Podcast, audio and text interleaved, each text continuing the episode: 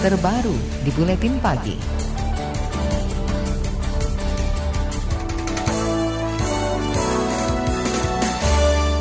Badan Penyelenggara Jaminan Sosial atau BPJS Ketenagakerjaan mengatakan belum semua pekerja terdaftar sebagai anggota aktif BPJS Ketenagakerjaan. Selain itu, banyak peserta yang tidak aktif membayar. Padahal peraturan pemerintah tentang perubahan atas peraturan penyelenggaraan jaminan sosial tenaga kerja atau JAMSOSTEK menyebut setiap pengusaha atau perusahaan yang mempekerjakan 10 orang atau lebih yang membayar upah minimal 1 juta rupiah per bulan wajib mendaftarkan tenaga kerjanya sebagai peserta BPJS Ketenagakerjaan. Ketika bertemu dengan Wakil Presiden Ma'ruf Amin, Direktur Utama BPJS Ketenagakerjaan Agus Susanto mengatakan kepesertaan BPJS Ketenagakerjaan belum mencapai target maksimal hingga akhir 2019.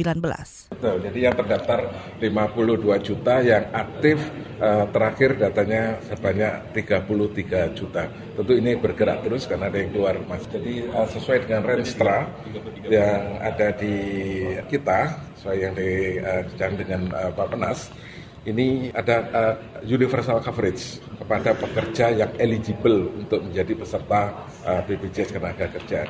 Dan alhamdulillah hingga saat ini kita masih on track dengan Renstra tersebut. Direktur Utama BPJS Ketenagakerjaan Agus Susanto menambahkan, BPJS menargetkan hingga akhir 2019 kepesertaan mencapai 70 persen dan 100 persen pada 2021. Hingga saat ini, dari 120 juta pekerja, baru 52 juta pekerja terdaftar, namun belum semua aktif. Dalam pertemuan dengan BPJS Ketenagakerjaan, Wakil Presiden Ma'ruf Amin meminta BPJS Ketenagakerjaan harus mampu mencapai target peserta 100 persen pada pada 2021. Kongres Aliansi Serikat Buruh Indonesia atau KASBI menduga adanya permainan antara BPJS dengan pihak perusahaan terkait lebih dari 50 juta tenaga kerja yang tidak terdaftar BPJS Ketenagakerjaan. Ketua Umum KASBI Nining Elitos mengatakan ada ketidaktegasan dari BPJS dalam memberikan sanksi terhadap perusahaan yang tidak mendaftarkan karyawannya. Nining juga mendesak pemerintah adanya pemeriksaan data kepesertaan untuk memastikan apakah perusahaan betul-betul mendaftarkan pekerjanya. Bisa saja karena memang tidak ada sanksi yang tegas bagi pihak perusahaan yang tidak uh, melibatkan para pekerjanya dalam pelayanan sosial itu bisa saja terjadi gitu.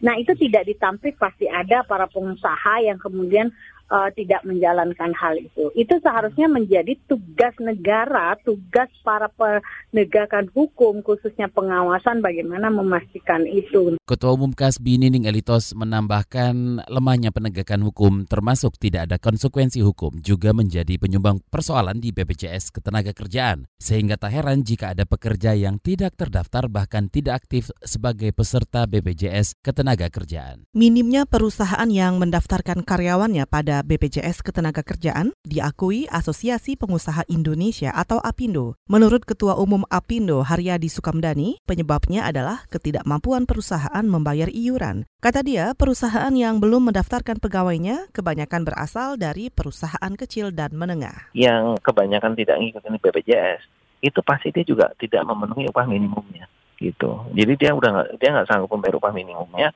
makanya dia juga kemungkinan besar dia tidak ikut BPJS. Jadi kecenderungannya yaitu mereka juga nggak bayar upah minimum. Ketua Umum Apindo Haryadi Sukamdani juga menambahkan, kebanyakan perusahaan kecil menengah yang tidak mendaftarkan pegawainya berasal dari sektor jasa perdagangan. Kontrak kerja antara perusahaan dan pegawai pun sebagian besar bersifat informal atau kesepakatan saja, sehingga imbasnya perusahaan tidak mengikuti aturan yang ada. Sementara BPJS Watch menilai ada masalah regulasi yang menghambat penyerapan kepesertaan BPJS ketenaga kerjaan. Koordinator Advokasi BPJS Watch Timbul Siregar mencatat sekitar 57 persen atau 55 juta dari 129 juta merupakan pekerja informal. Pekerja informal tidak diwajibkan terdaftar sebagai peserta ketenaga kerjaan. Padahal pekerja informal dinilai membutuhkan jaminan ketenaga kerjaan. Pekerja informal ini dengan 16.800 yang 10.000 JKK dan JKM, eh, 8.000, 6.800, sampai misalnya mereka meninggal bukan karena kecelakaan kerja. Mereka pun dapat santunan sekarang 42 juta. Nah, anaknya dapat beasiswa dua maksimal dua anak sampai perguruan tinggi.